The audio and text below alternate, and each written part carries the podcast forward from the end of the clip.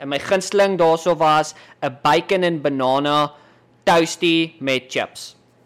Boom. Hoe? En 'n pink milkshake. Fok onthou jy hierdie goed. Boom.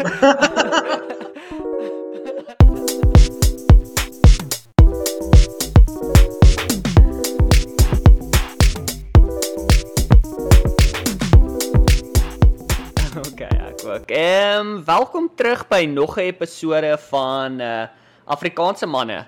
En ek het weer my goeie vriend Dewald op. Naand aan my kant. ja, dit is al naand daarso by jou kant. Dit is uh is lekker 12, wel half 12 op 'n donderdagoggend hier by my. Ek drink 'n uh, fantasmagoriese rooibos teetjie, soos altyd. Dit dis lekker. Ek drink 'n 'n tafel lager vanaand. Tafellager. Ja, ek like hom nogals. Ha. Ehm ek eh, ek is soos ek vir jou vroeër gesê het, ek's nie 'n groot bierpersoon nie. Ehm um, soos die ding is, hier's die ding wat vir my mal is. Toe toe ek gedrink het daai tyd. Toe as ons by so 'n Spur of 'n uh, jy weet so 'n restaurant tipe plek is. Light Draft my nou. Jy weet? Ja. Dit was daai is ouetjie het ek geslurp hou. Ek het daarin ek het dit vir jou gesuig soos iemand wat nou net 'n maraton gehardloop het en hy soek 'n botteltjie water. Ek het vir jou goed gesluk. Jy weet, in die keel gegooi reguit pens toe. Maar nou, as ek bier ruik, dan s'ek sommer upset. Shame ou. Maar dis omdat jy dis omdat jy ook daai daai daai vlak van van hiperfiksheid gekry het met die draffery en goeters en jy jy kan nie eintlik jy kan nie eintlik hoe kan ek dit stel? Gereeld drink as jy soos drink kan nie jou hobby wees as jy maratonne wil hardloop. ja, ek stem saam, maar jy sal ten minste dink soos jy weet soos um daar's nog steeds 'n vlak van jy weet soos as ek ek kan ek kan nog ten minste soos 'n Castle Light geniet het. Soos jy weet jy kan soos selfs brandewyn, kan dit ek as ek dit ryk dan s'ek naar. Maar Um, brandewyn is kak. Letterlik die enigste Baie mense is nou kwaad. weet weet jy dit nou? Dis die dis die dislike knoppie wat gedruk word. Daar daar kak YouTube ons word geban. Die wil dit gesê brandewyn is kak.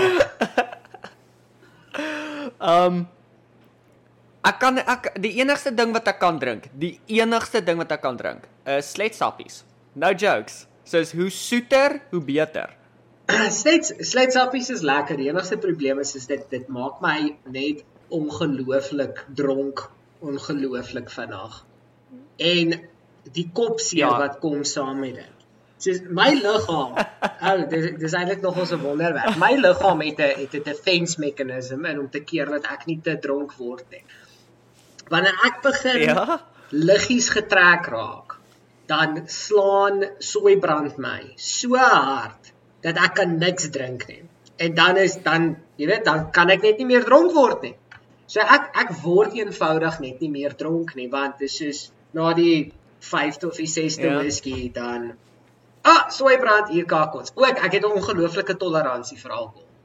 Um en dit Mm. is dit is as gevolg van jare se lewermishandeling meestal. So dis eintlik nog ons sy eintlik nog ons swak. Sy het al uh kyk in Thailand die drank is ongelooflik duur en baie van die drank is kak. So nou drink ek bier daarso Ja. en die volgende dag is ek honsiek. En dan het ek nie dan dan word jy nie eers tipsy nie, maar ek is net ongelooflik siek want ek weet nie wat hulle by hulle bier gooi nie. Hulle het ander regulasies as ons. Dis nie soos daar's soos klomp roemers en kak. Ek gaan nou nie in dit ingaan nie. Maar die bier is net dit maak jou dodelik siek die volgende dag. En so Dis nogal dis nogal interessant. ja, jy het daai chang en goeters gedrink toe jy daarso was. Ou, as jy as jy as ek Jy- 2 of 3 van die Leo korts gedrink het, dan was ek en hulle korts is nie Ja, ja. 750 nie, 660. En wat, wat jy weet wat is wat is 'n 1.5 liter bier by 'n kuier? Jy weet dis nie te erg nie. Maar Ja. die volgende dag Nee. is ek siek ou. Dan's ek soos dood tot 12 uur toe. 3 keer opgegooi. Dis crazy. Kan nie uit die bed uitkom nie. En dit was nie net ek nie, ou, dit was Britney ook geweest. Sy sy het fisies ook siek geraak van die bier wat hulle daar sit. So ek weet nie of dit net my liggaam is wat nie saam met dit stem nie. Maar nou nou kom ek hierso aan en ek's 'n bietjie skrikkerig. Ek's van, "Jessie, jy kyk net, jy weet ek ek mis twee dinge. Ek mis 'n windhoek en ek mis 'n black label." So ek kom hier aan tydens lockdown en nou is ek hierso vir 'n maand en Oh. lockdown word opgelig en ek's van, "Dis my kans. My time to shine." Ek gaan oor kan die pad gaan gaan na Tops toe gaan. Ek gaan vir my 'n six pack black label koop en 'n six pack windhoek. En Ja, ja.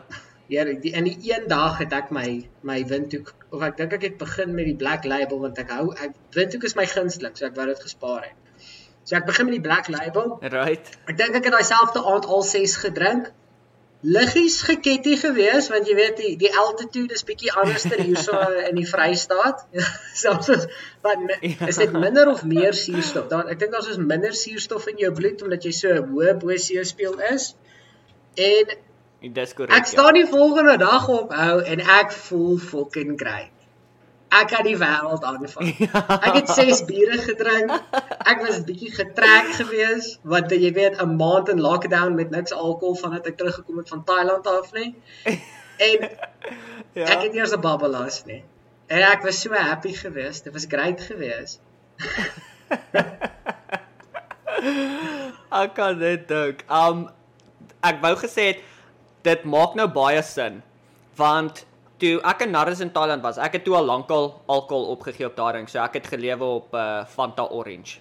Um so toe het Nardes, hy het soos 'n paar Changs en 'n paar van daai Leos of wat Leopards of wat ook al daai fucking goed se naam is, gedrink.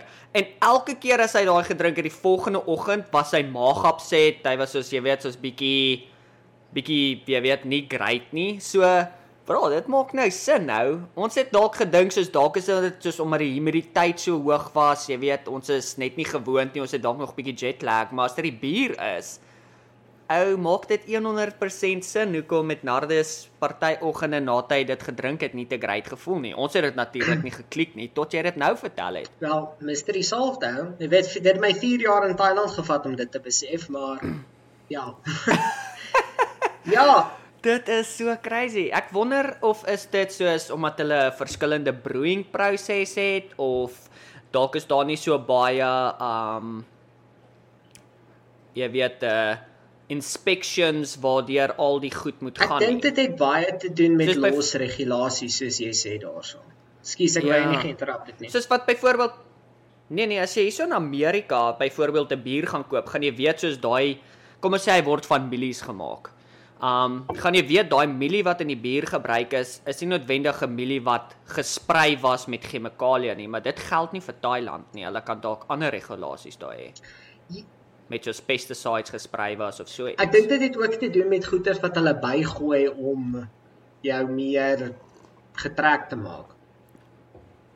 Ah. Dit dit wa- dit was nou een van die rumors wat wat rondgeloop het en natuurlik hierdie is nou maar net gesprekke wat onderwysers met mekaar voer, maar blykbaar Chang, die groen ene, die olifantbier. Hy Ja, ja. het ehm um, ag daar was een of ander kak gewees, hulle het goeters daarin geneek wat net gemaak het dat mense meer dronk word. Jy weet klomp chemikalieë en en allerlei kak. So baie mense weier om Chang te drink. Sing was maar die beste een geweest. Dis die een wat die draak of die dingetjie, dis die geel bottel. En Ja, ja, ja. yes, kyk ek het Leo gelike want hy proe die naaste soos 'n black label. Ek hou van my black label. Maar Ja. Toe ek een keer gaan kyk het hoeveel hoeveel kalorieë is in. Maar kyk, ek het begin gewig optel. Ek toe toe laat toe COVID begin slaan het. Toe ewe skielik ek kyk so na myself en van shit, jy weet, ek beweeg nie meer rond nie. Jy weet as 'n onderwyser, jy staan vir soos as ek 'n volle dag met 5 periodes ingehaat het, dan staan ek vir 5 ure. So jy weet dit is dis dis goeie oefening. Dis regtig dis 'n dis 'n aktiewe dis 'n aktiewe werk. En Ja. Dis dit nou lockdown en ons moet online skool gee. Nou sit jy ewe skielik vir 8 ure in die dag. En dan gaan jy huis toe en dan sit jy verder want jy mag nie rondloop nie. Jy mag nie op die dak gaan gym nie. Jy mag niks doen nie. Jy moet net in jou fucking woonstelletjie sit. En dan begin jy nou om bier te drink oor Ja. naweke nadat hulle die alkoholban gelig het. En ek het kom agter dat Jessie wou deur wat jy's besig om 'n bietjie chunky te raak. En toe gaan kyk ek sies hoeveel kalorieë is in 'n Leo. En ek ek ken nou nie die presiese nommer nie, maar dit was twee keer meer gewees as sien wat die tweede ehm um, swaarste bier is daarso. Maar dit was dit was ja. mal gewees. Ou het ek van Jessie, geen wonder ek raak dik nie, ou, want ek ek drink 6 brode op 'n slag. Ja. ja, basies. dit is dit is crazy hoeveel um bier en sulke goed kalorieë in het. Dit is crazy om te dink soos um so rukkie terug toe ek en Jenna toe ons of jy weet toe ons besluit ons gaan 'n bietjie ons dieet verander. Ons gaan begin bietjie meer skoner eet. So niks meer suiker nie. Um ons het al ons uh ehm um, wat noem jy dit soos tomatiesous en souse en sulke goed het ons heeltemal uitgesny. Ehm um, so basies as ons eet, eet ons, jy weet soos alles is is so skoon as moontlik om as dit sin maak. Um, en toe het ons gesien soos 'n teelepel tomatiesous, nê? Nee, het soos 80 kalorieë in. En jy kan soos letterlik soos 2 sakke broccoli eet en dan dan dis is 80 kalorieë en dit was crazy om dit te gesien het. Ja nee, dis mal. Ehm um, so hierso, dit 630 ml Leo bier. Ek het dan sommer op MyFitnessPal gesoek vir jou. 315 ja, kalorieë.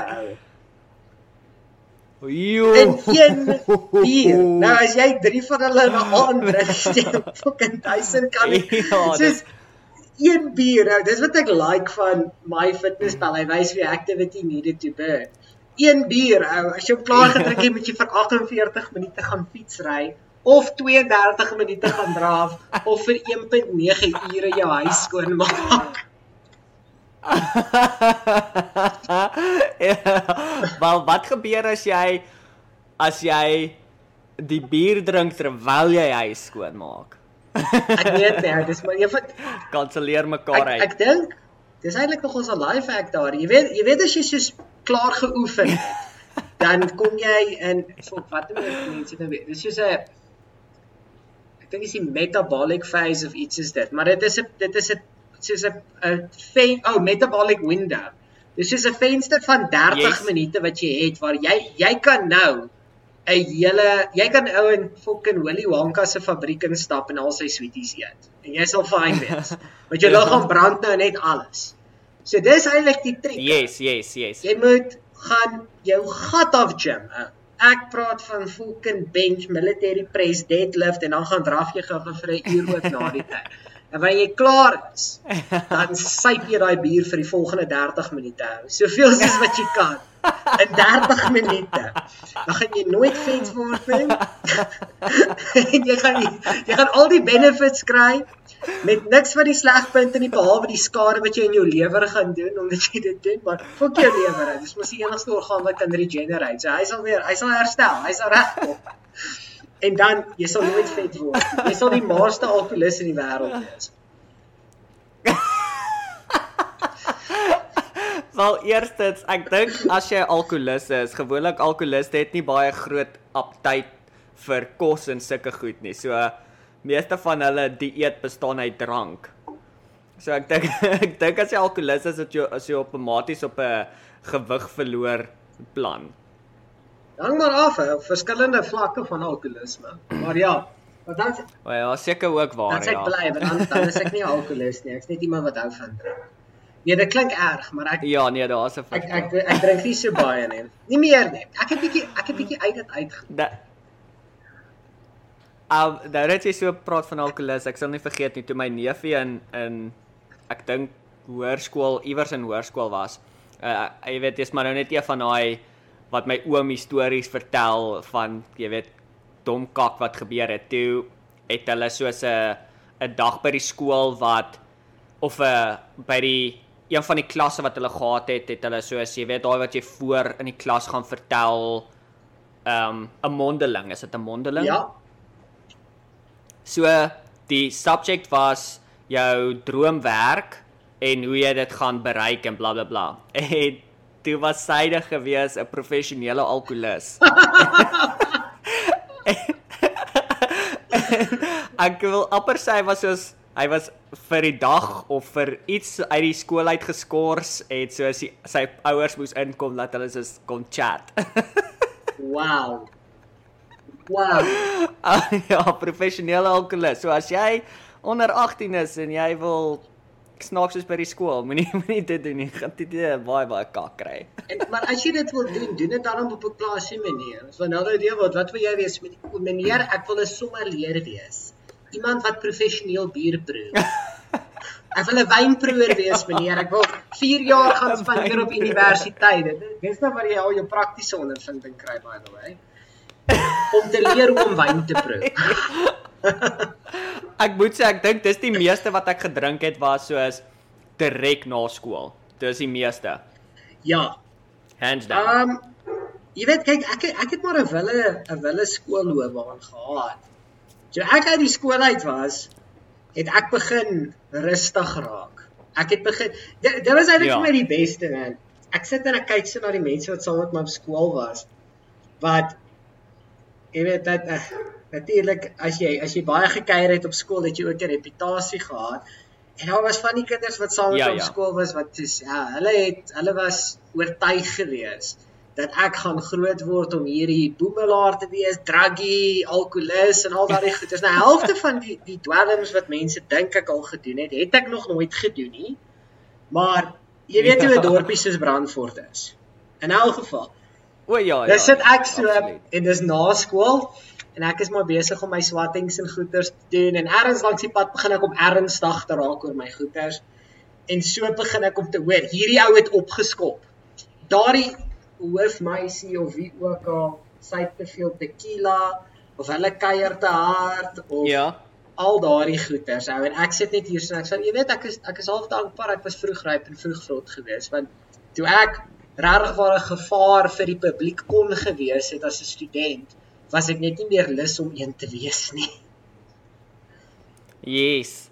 Nee, ek ek was nie ek het gedink ek het kwai gekuier in matriek, maar ek het nie regtig nie. Ek was maar die ek was maar steeds die ou wat vroeg huis toe gegaan het om te gaan leer vir eindeksamen wat ek ek wou goed gedoen het.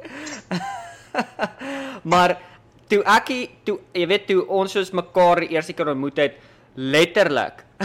ek sal nie vergeet ek het jou ontmoet. Toe jy sê Luister, julle gaan nie net nou my fucking huis toe kom om te kom games te kom download en dan fucking praat ons nooit weer. Dit is nou wat ek was saam met Nardus, het sê ek tog vir daar soos, "Ja, hierdie Dewalta is intens, bra."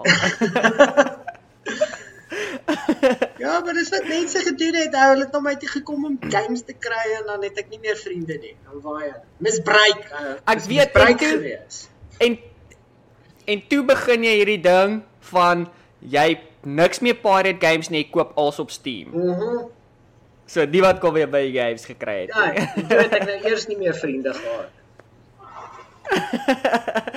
As ek kan ek kan soos daai deel onthou. Dit was nogal dit was nogal ek het ek het nou nog my harde skyf met al die pirate games wat ek gehad het, het ek nog steeds. Soos obviously as soos niks van hulle werk meer nie.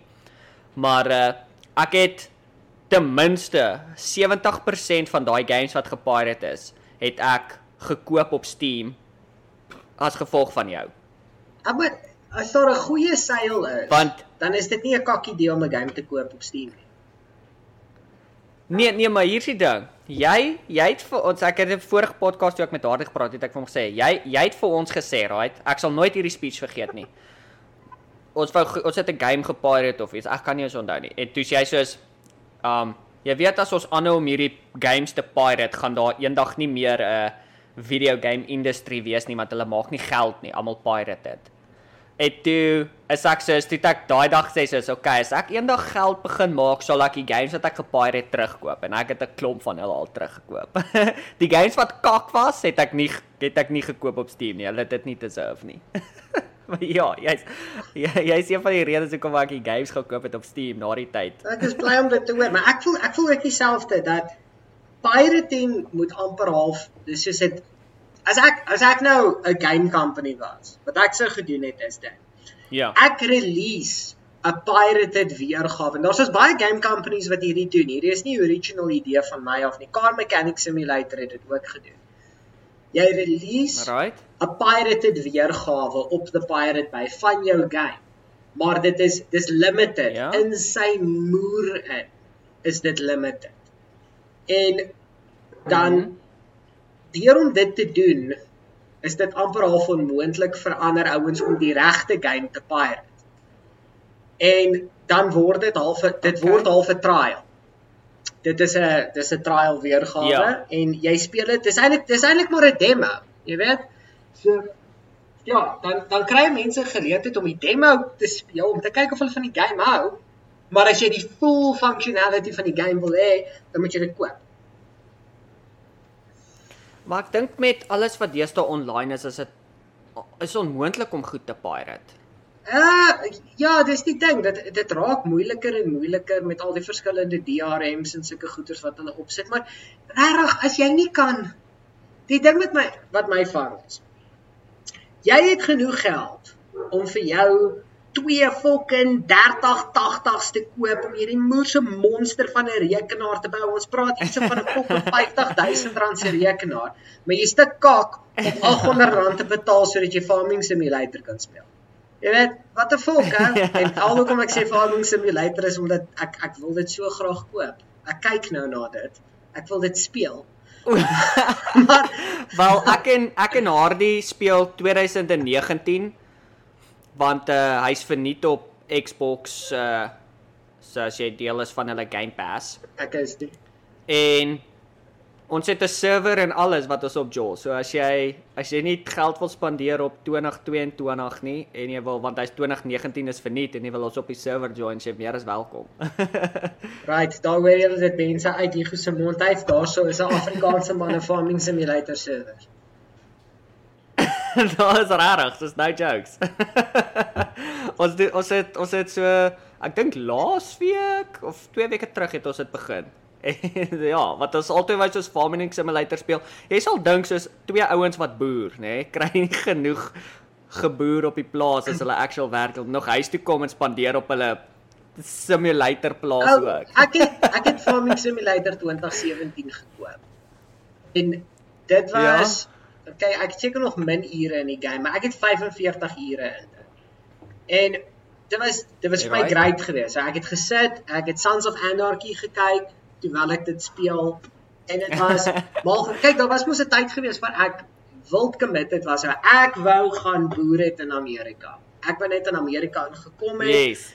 En die enigste probleem is ek weet nie hoe die fok het jy dit reg gekry nie. Maar ek kon nêrens iemand gekry het wat bereid was om my te leer hoe om 'n stroper te ry. nie. So ek het Farming Simulator gespeel Um, sodat ek myself kan opskerp op die terminologie.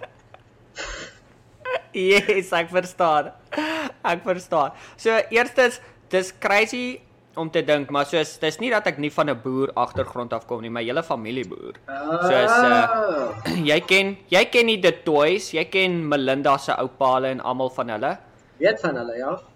Um ja, so hulle hulle die hele familie boer.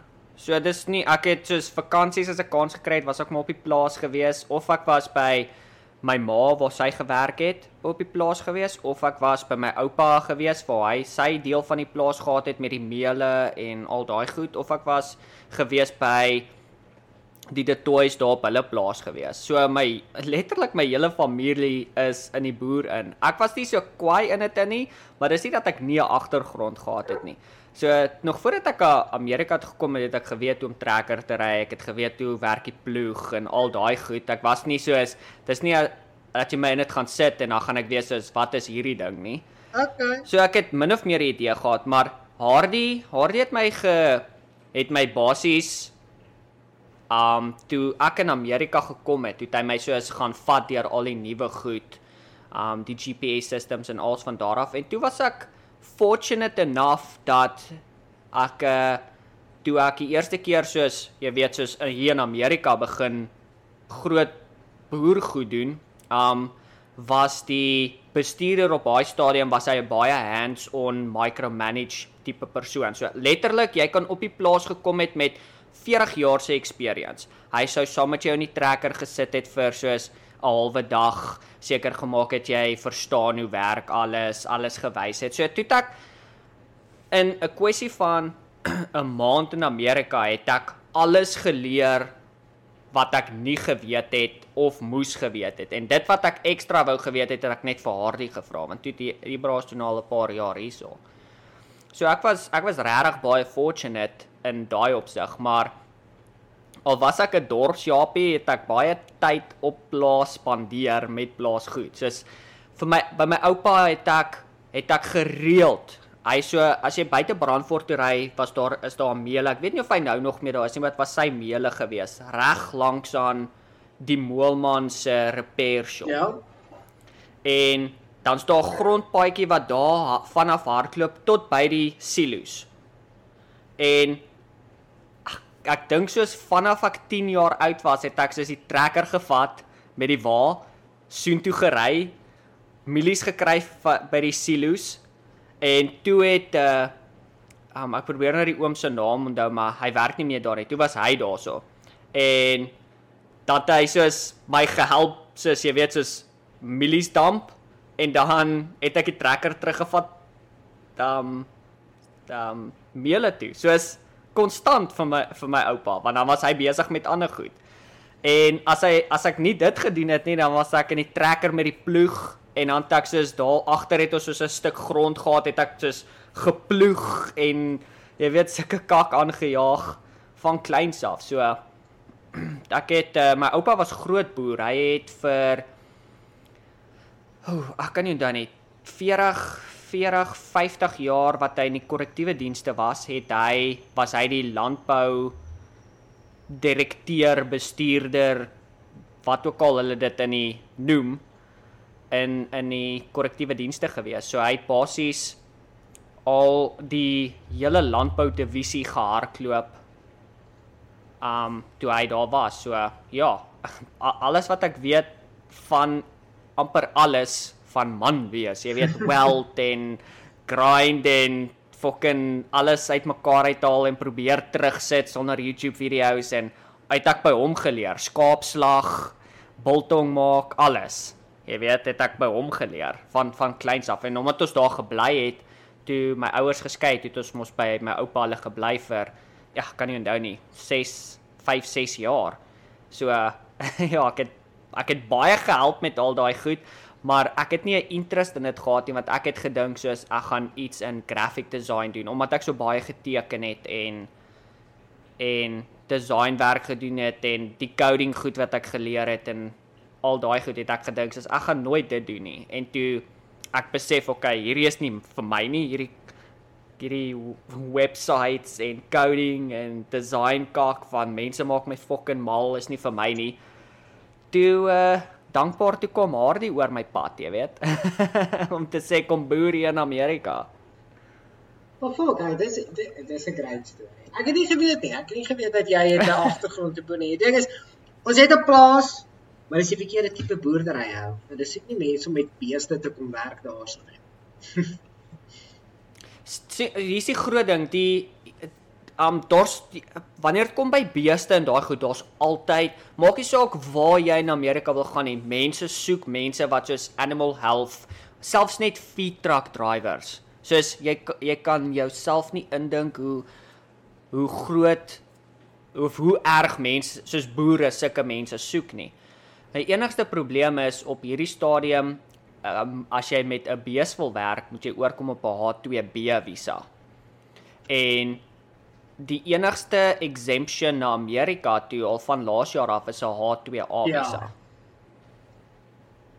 Eh so enige ouens wat in Amerika gewerk het voorheen op 'n H2B visa, kan ek jou nou wet, het oorgekom op 'n H2 um A visa en hulle het net vir hulle boer gewerk as 'n H2B, jy weet, skelm. Ja.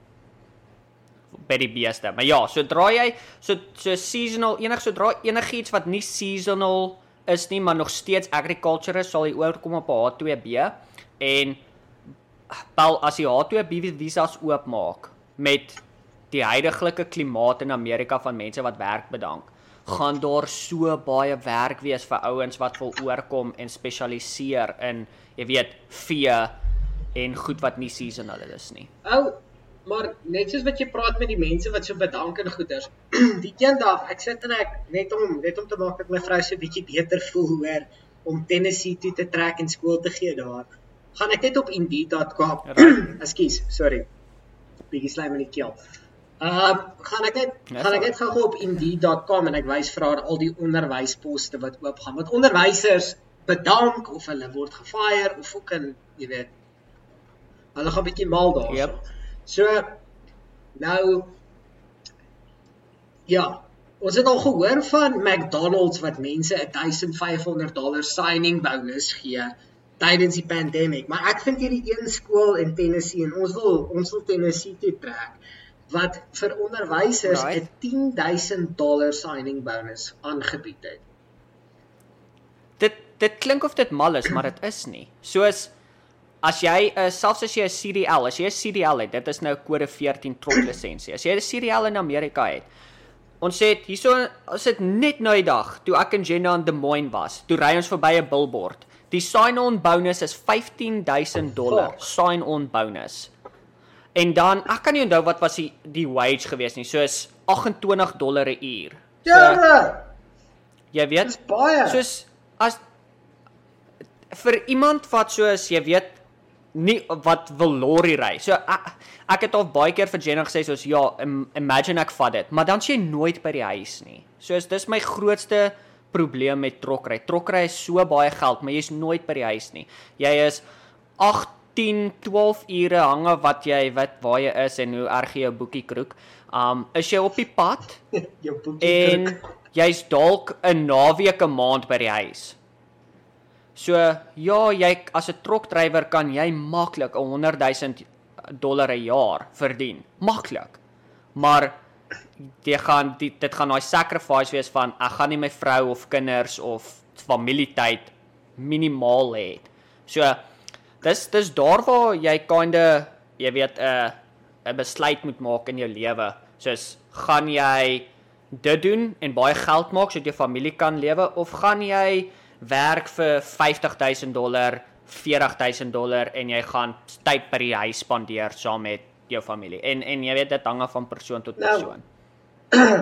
bygesê. Ekskuus, ekskuus mense, ek gaan 'n paar keer so hoes want ek weet net bietjie slaim in die keel. So sorry. jammer. Ek gaan nie ek gaan nie laat hier goed dit alles uit-edit die hele tyd nie, maar dan gaan ek vir die volgende 3 dae sit en edit. So verskoon die verskoon die tiffies wat ek gee. Um nou Party mense moet eenvoudig net nie families en kinders hê nie. Ou. En dan is dit die ideale werk vir hulle. Ja. Maar nou kom ons Ek nou kom ons gaan na ons situasie toe. Soos 'n rukkie terug, soos jy weet, ek het ek het bietjie rondgetooi met die idee om te kom boer daarso en toe vind ek uit dat fok, ek weet nie hoe om 'n GPS op 'n trekker te werk nie. So daarso word daai droom in 'n blik ingegooi. Maar dit was Wat- een, dit was ja. een van Britney se groot worries geweest is dat ek sit of sy sy sit in Tennessee en ek sit in fucking Iowa. En ek sê vir maar okay, jy wil nie Ja. dit doen nie, maar jy is heeltemal bereid om in Tennessee te sit terwyl ek in Suid-Afrika sit. Ja. wat sê wat sê een is beter? Opsie A kan jy by my kom kuier elke nou en dan.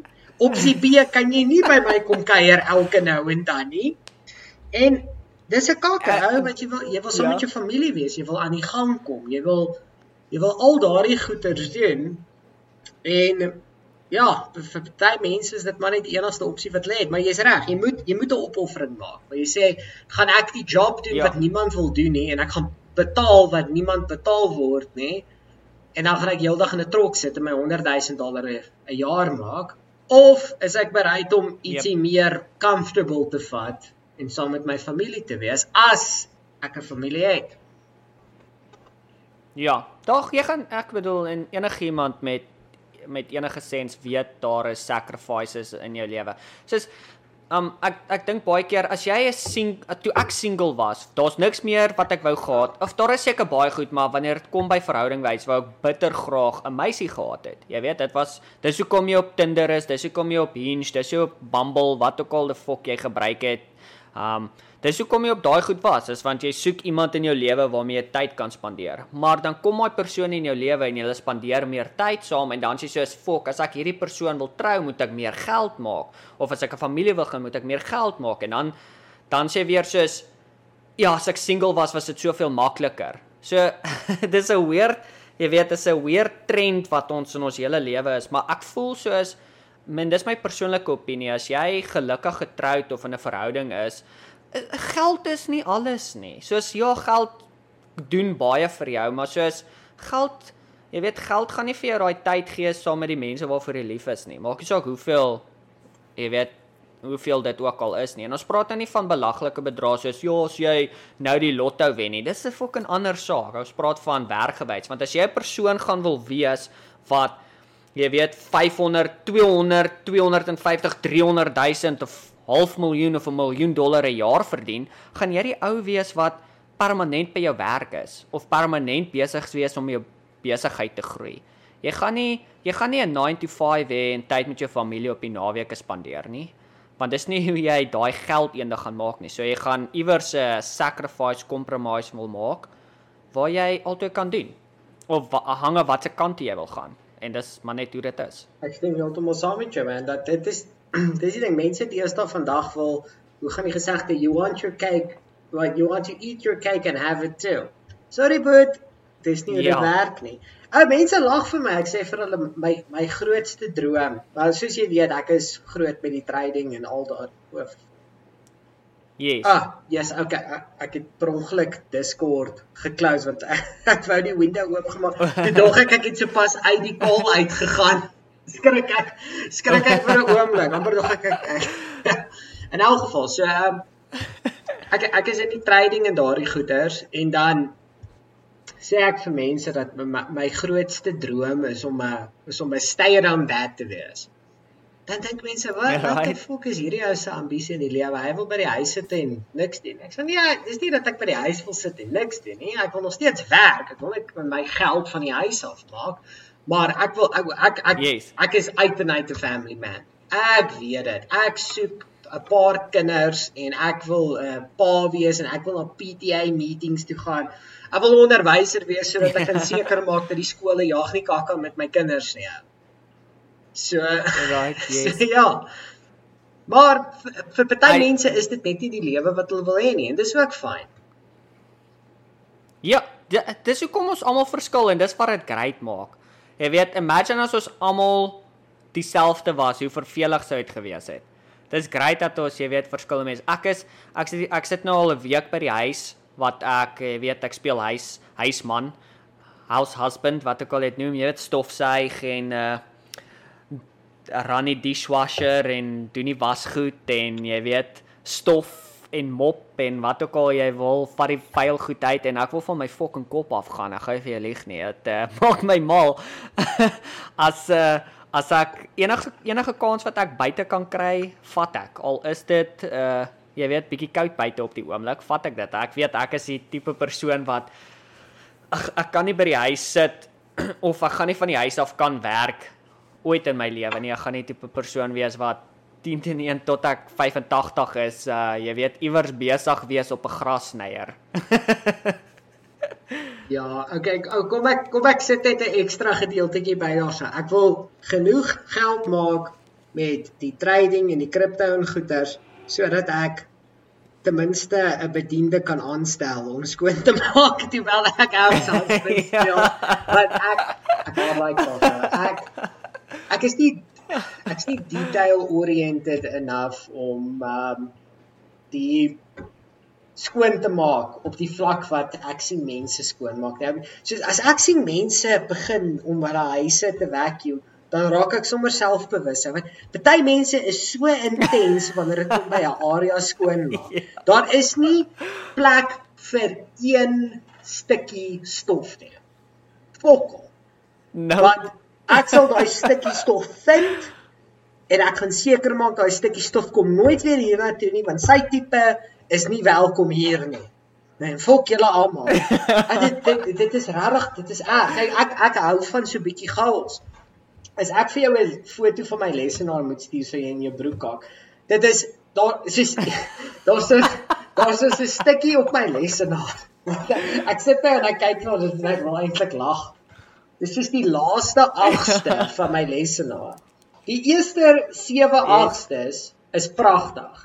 Dis nou maar net my rekenaartjie en my calculator en jy weet al daai ekstra goedjies, maar daai daai laaste agste is 'n John Deere hoed, 'n oorlosie boks, 'n Lee Zambak blikkie, Tiger Balm vir soos jou seerspiere, dis is Thai DP. My paspoort toe ek 'n kind was. My paspoort as 'n volwassene. Daar sou is dit, daar is 'n Samsung Meter mic wat opgevou lê. Daar is Ja. Daar is 'n 'n Seagate external hard drive daar. Daar is 'n Bluetooth keyboard. en dit is net absoluut chaos. Dis net hierdie een laaste agste wat totale chaos is. En jy weet wat? Ek sal ongemaklik voel as dit nie daar was nie. Ek sal ongelooflik ongemaklik hoor, ja. voel as daar net nie 'n klein bietjie chaos op hierdie een gedeelte van my rekenaar was nie. Maar ek moet sê nou wanneer ek en jy klaar is met hierdie episode gaan ek definitief bietjie skoonmaak.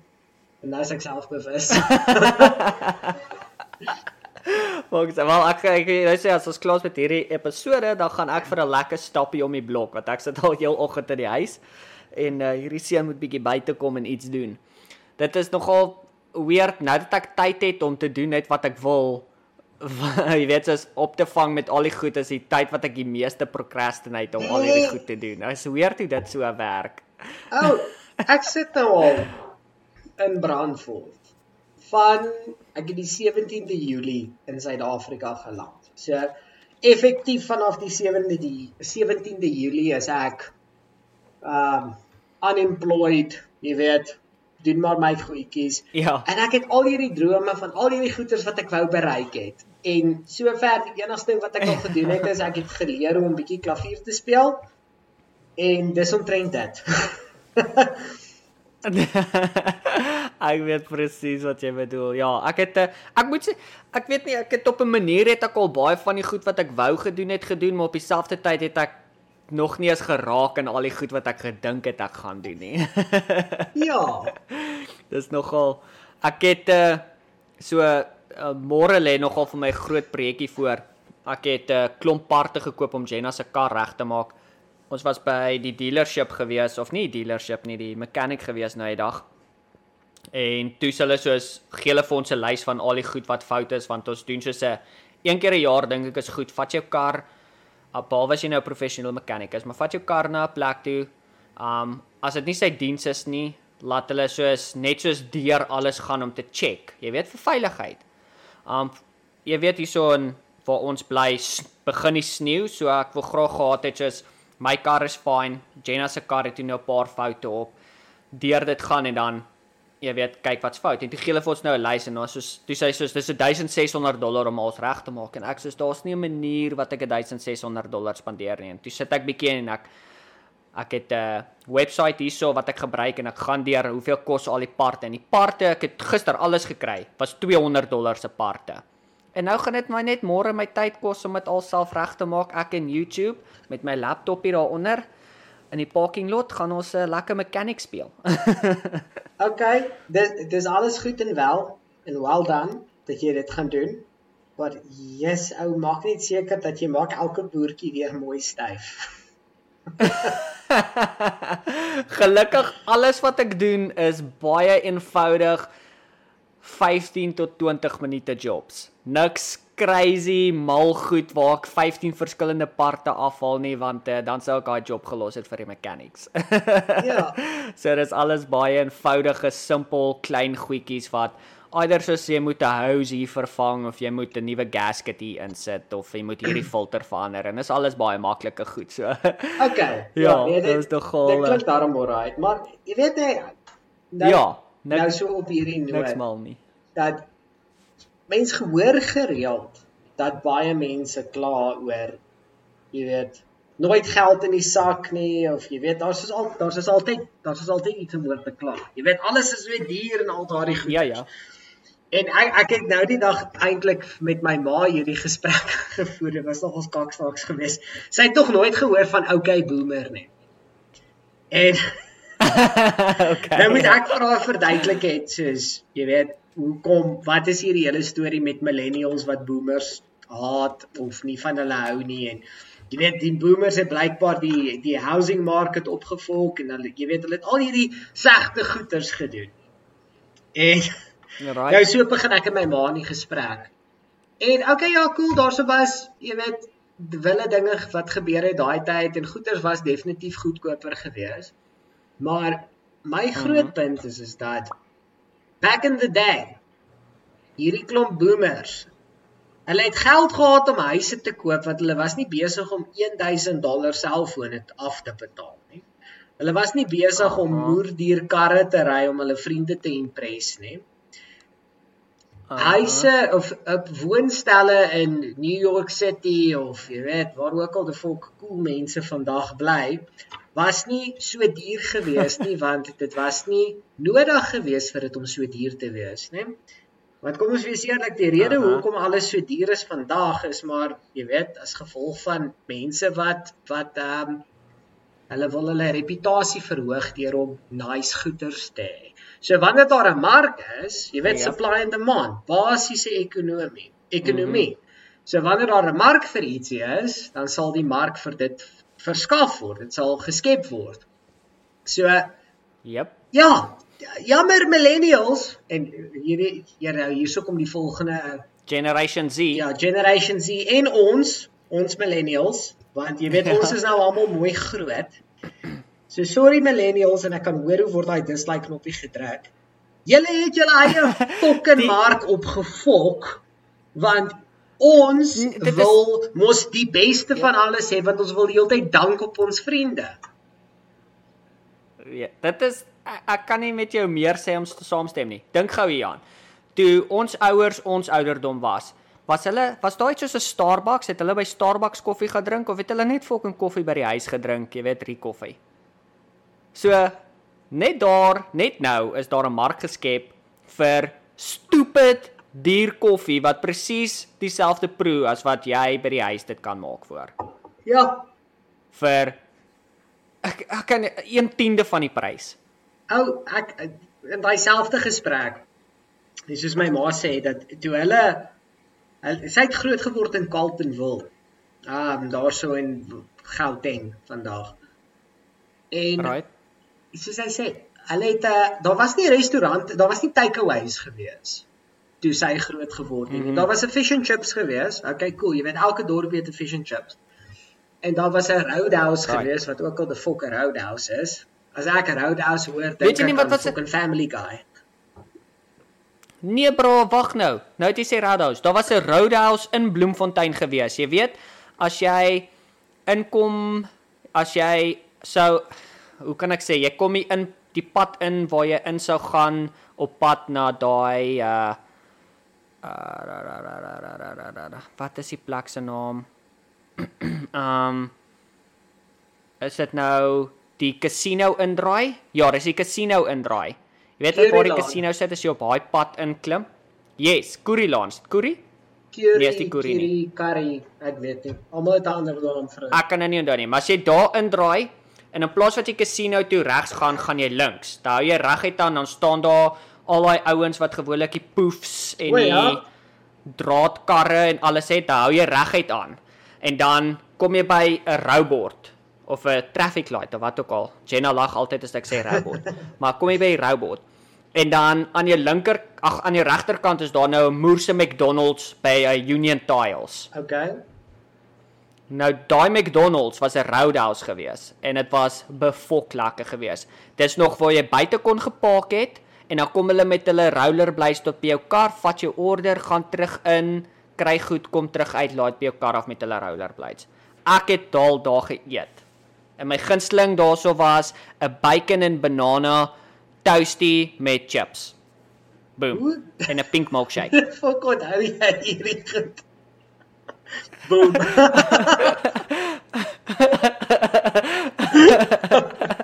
dit was dit was my jam gewees by die Roadhouse. Die Roadhouse was die shit. Ek love daai plek. Hulle bestaan nie meer nie. Dit was 'n franchise gewees reg oor Amerika gewees, maar ja. Wow. maar ja, soos wat my ma sê, daar was 'n fish and chips gewees, want elke dorp het sy fish and chips gehad. En daar was 'n Roadhouse gewees. Ja. Maar niemand het ooit uitgeëet nie. Nou, gaan vra 'n bietjie Aha. vir jou chommies wat in ons ouderdomsgroep is. Hoeveel kere 'n week eet hulle uit? En jy sal baie keer geskok wees om uit te vind hulle eet meer as 3 keer 'n week uit. Takeaway en al daai goeders. Nou, maar mense is lui goeders. Nou maar dit niks in die lewe is fucking verniet nie, hou. So wat gaan gebeur? Jy as Nou. as jy okay, so daardie ek het mos vir daai video gestuur van die die ehm um, die BBQ wat ek gister gemaak het. So daardie was 'n dit was Alright, Dit was yes. 'n smoked um, lamb rib gewees, met amper 'n kilo. En dit was 'n smoked tri-tip gewees, beef tri-tip gewees. Right. So dit was so R240 vir daai vir al twee Mhm. daai stukke vleis gewees. En dit jy weet dis so 3 kg se vleis. Met Ja. bykosse.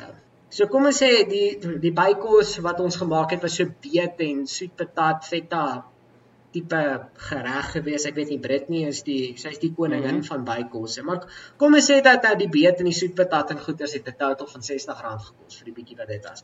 So nou nou is ons by R300 wat ek Mhm. genoeg kos gemaak het vir 4 mense en daar was leftovers gewees. So daar was eintlik nog genoeg kos vir 8 mense gewees vir 300 fucking rand. Great. Nou gaan Spur toe. Ja. En dan gaan koop jy vir my enige platter wat 'n lamb rib het en 'n steak Aha. want tri-tip, jy kan hom maar sny as 'n stukkie steak. So gaan koop vir my 'n combo wat 'n Yep. lamb rib het en 'n steak op en sê vir my hoeveel dit kos. Jy gaan ten minste R250 betaal. Easy. Jy kan nie vir twee persone by die Spur gaan eet, 'n uh, aandete. Ons praat nie van 'n breakfast of wat ook al nie. Vir 'n aandete en jy gaan nou, jy gaan jouself nou stiek, jy weet. Gaan jy nie onder R300 in jou lewe kan eet. Ja. En dit dit is waantoe Behalwe as al twee plain cheeseburgers vat. Ja. En dit is dit is waantoe jou geld gaan, luisteraar nommer 23. Jy wat nie weet hoe jy wat kak en kerm oor jou finansies wat nie uitwerk nie. Vat 'n oomblik om net bietjie te kyk aan wat spandeer jy jou geld en jy gaan agterkom dat steers is nie die geld werd nie. McDonald's is nie die geld werd nie want jy betaal nie vir die kos wat jy eet nie. Dis nie asof ek 'n fucking slagter vriend het wat vir my vleisstukke teen wholesale prys gee nie. Ek koop by Fruit and Veg soos elke ander doos. Maar jy wanneer jy by Spur koop, dan betaal jy vir die vleis en dan betaal jy die chef se salaris en jy betaal die waiter se salaris en jy betaal die bestuurder Yep. se salaris. En teen die tyd wanneer jy klaar is met dit alles, selfs as jy by McDonald's is en by McDonald's het jy nie eens 'n fucking waiter nie, maar jy betaal sy salaris ook. En dit is dis Ja. waartoe jou geld gaan. Dit is hoekom alles duur is. Jy het nie nodig om 3 Yep. keer 'n week uit te eet nie. Fok, jy het nie nodig om een keer 'n week uit te eet nie. Miskien een keer elke 2 of 3 weke. Jy het ook nie nodig om die nuutste iPhone te koop nie. Maak soos ek, koop maar 'n kak Samsung. Dis alright, hy doen sy job. Of as jy 'n iPhone koop, hou hom vir 4 jaar. Jep. Dis is een alles wat jy daar sê is korrek, maar ons lewe in 'n tyd waar alles gaan oor die image. So jy moet op daai Instagram moet jy daai Starbucks koffie picture hê.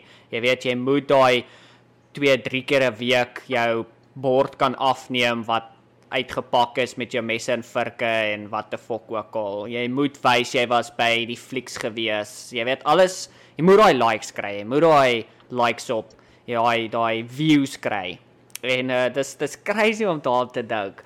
Um ek en Jenna doen ons het een keer 'n week het ons date night en dan gaan eet ons iewers uit of ons order van 'n plek en eet en dis ons ding, jy weet. Um dit is vir ons 'n 'n lekker ding, maar ek ken mense wat elke liewe lunch en aandete en dit sal my nie verbaas as hulle in die oggend ook stop by 'n garage en 'n koffie en wat ook al koop. Elke liewe ete iewers uit eet nie.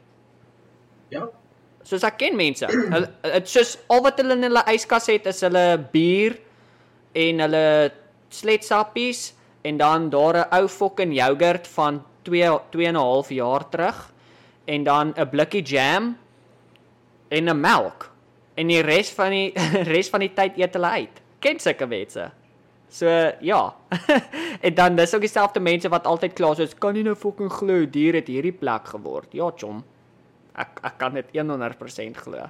Ons is besig met 'n tyd waar daar wêreldinflasie plaasvind. Al die pryse word duurder en dan jy kan nog bekostig om uit te eet, so.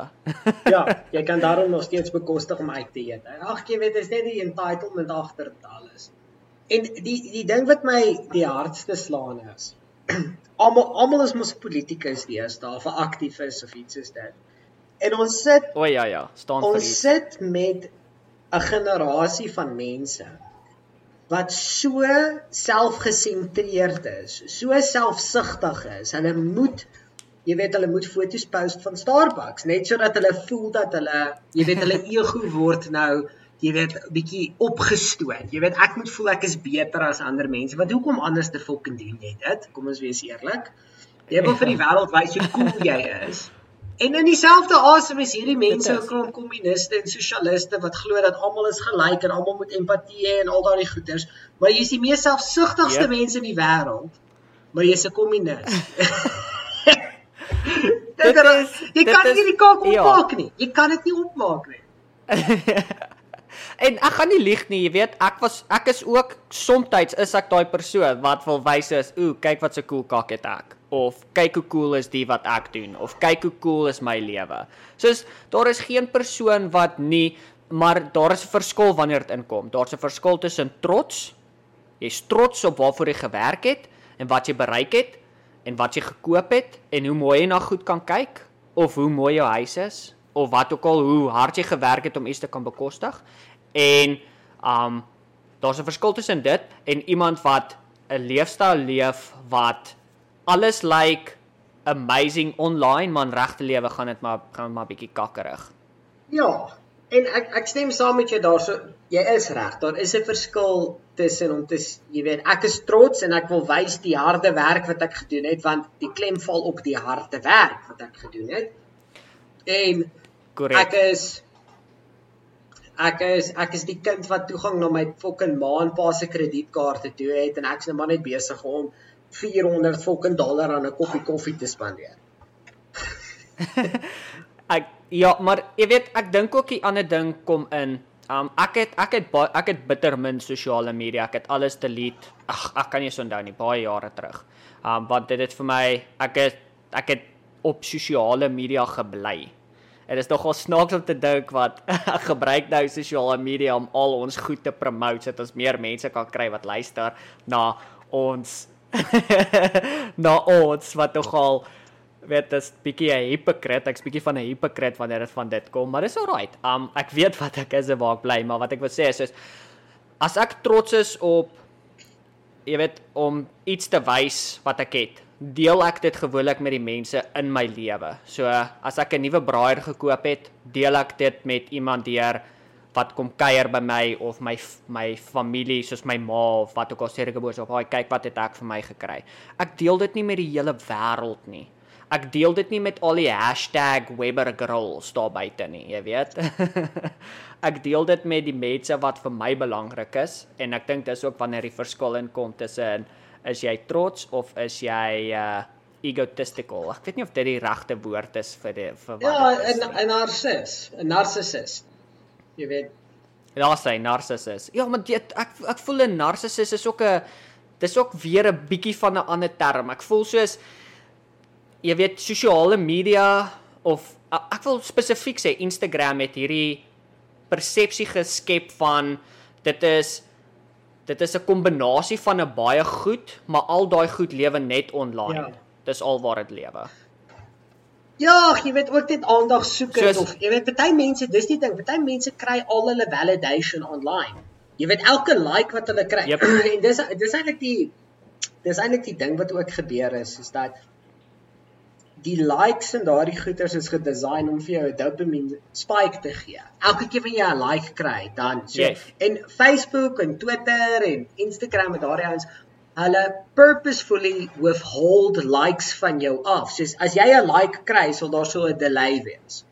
'n 10 minute delay of iets soos dit. Ja. Net om seker te maak dat jy kom weer op om te kyk of jy 'n like het. Hulle gaan nie vir jou notifications stuur nie want hulle wil hê jy moet jy moet soos 'n druggie wees. Hè? Jy weet jy daai jy daai aapie op jou rug wat die hele tyd gekrap moet word.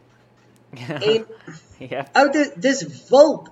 Dit is wild die social media werk. Ek weet nie, het jy ooit daai um dokumentary gekyk uh The Social Dilemma? Social Dilemma. Great. What a brilliant. Dit daai het my jy weet dit maak jou bes daai dokumentêre maak jou besef soos wow, okay, ek is skuldig aan so baie van hierdie goed waar hulle praat. En ek ek weet presies waarvan jy weet waarvan hulle praat. Soos um daai likes kry op Instagram. Ek was daar toe ek al my tekenwerk en al daai goed gedoen het. 95% van die tyd as ek by die werk is, het ek gedink aan wat gaan ek volgende teken of doen of fotograf of edit sodat ek kan meer likes kry, sodat ek meer followers kan kry. Wat gaan ek doen? Hoe kan ek dit doen? Ek was ook daar. Ek dink elke liewe persoon was al skuldig daaraan behalwe die boomers. Ek seker daar's een of twee boomers, maar ja, ja, ja, dit is so en ek ek ken ook daai gevoel, jy weet, soos toe ek met my YouTube channel, um met die Engelse klasse en al daardie goeters. Jy voel so cool oor dit. Jy is so ek weet nie, jy, Ja. dit, dit is uit en uit 'n verslawing. Maar ja, ek wil nie vir mense te veel kak gee wat jy weet groot uh, cool goeters op Instagram post en alles nie, want ek gebruik ook Instagram en ek gebruik my social media en al daardie lekker dinge. Maar yes. ja, dis maar net daai ding van use responsibly. Jy weet, moenie Dit is jou hele lewe op dit sit nie. Ek share nou die dag 'n ding op Facebook wat my skoonpa gesien het. Ek ja, ek het geshare en soos ek ek is soos 'n werewolf ou. Ek post een keer 'n maand, miskien een keer elke 6 maande. dis nie 'n dis nie 'n gereelde ding nie. En so ek ehm um, ek share hierdie ding wat dit wys hoe hoe hacking eintlik gebeur. Dit is dit is basically phishing attacks. Want dit is moeilik om Ja. op Facebook of Twitter of iets soos dit te hack. En wat hulle doen is Ja. is jy sien daai posts wat sê your middle name plus the town you were born in is your porn star name. En dan comment die mense dit. Mhm. En wat is die common vraag Mhm. wat hulle vir jou vra, daai security questions? What is your middle name? What is the Uh-huh. town that you were born in? Of hulle sê your mother's Uh-huh. maiden name plus the name of your first pet is your Jedi name. Okay, cool. En dan Mhm. dan comment mense dit. Dan skryf hulle, okay, cool. Jy weet my ma se maiden name is Tafellager en my hond se my eerste hond se naam is John Deere. En dan kyk daardie dose wat hierdie posts maak en hulle is van okay, ons is op Facebook, jy het 'n public profile, so jou naam is Dewald Alberts en jou e-mail is gelink op jou fucking Facebook soos 'n dom doos. Okay, nou kan almal Ja. jou e-mailadres Ja. sien. Okay, cool. Nou gaan ons begin hierdie ou se passwords uitfigure. So hulle gaan na enige fucking ander website toe wat jy moontlike rekening kan op hê. Almal het 'n PayPal rekening, almal het 'n jada jada jada rekening. En dan druk hulle Yep. net forgot password. Of die eerste stap is om by jou e-mail in te kom. So hulle weet jy's by Gmail want jou fucking e-mailadres is daarso en dit sê @gmail.com Ja. en daar gaan hulle, dude. En dit is hoe hulle dit is hoe mense gehack word. Hulle word gefish. Ek weet en en dan en dan is en die grootste ding wat daar bykom is meeste mense se passwords is dieselfde vir alles. So as hulle een het, dan so boem boem boem boem boem boem, klap hulle die res. Jep. Ja, en Dis presies wat jy daar sê. Ja, dit baffel my net soms, jy weet, hoe mense weet daar daar's so 'n verskil tussen om erin te wees en om fucking stupid te wees, hè? No offense aan die mense wat ons soos dit uitgevang Nee. was, maar regtig, hoekom hoekom wil jy 'n pornstar naam in elk geval hê? O, dit is 'n dis 'n kan- Facebook game. Almal volg jou in jou Facebook game. Regtig. Dit is jou perset. Oh, wel, okay, so ek wil ek wil so klein bietjie oor iets chat wat vir my heel interessant wees wat ek dink baie groter nuus moet wees as wat dit eintlik is. En dit is die USA se boikot van die Beijing Olympics 2022. Okay. Um so ek dink dit was laasweek. Laasweek het uh, die Biden administration gesê dat hulle gaan geen official repent rep ek kan nie daai nie. hulle nee nee um representation. Sê is dit? Rep ek kan dit sê nie. Daar's sekere. Daar's sekere woorde wat my brein net soms nie kan doen nie. Maar in elk geval, hulle gaan uh hulle gaan niemand stuur na die Beijing 22 Winter Olympic and Paralympic Games nie as gevolg van die jy weet die public of wat dit People Republic China se ongoing genocide en uh crimes against humanity. Ja. En um dit was vir my nogal heel interessant. Ek dink dit was 'n great move van Biden hulle af gewees. Maar persoonlik, ek's nie 'n groot Biden fan nie, maar wow, wat 'n fucking moerse stap vir al vir China want uh, jy weet hulle kan as gevolg van dit kan hulle sê, "O, oh, wel, ons gaan nou dit en dit en dit en dit en dit afsny." Ja. Maar met dit bygereken, toe het Australië uitgekom en gesê hulle gaan ook dit boikot. Ek het en ja. nou het die UK, jy weet minister Boris Johnson het hy gesê hulle gaan dit ook boikot.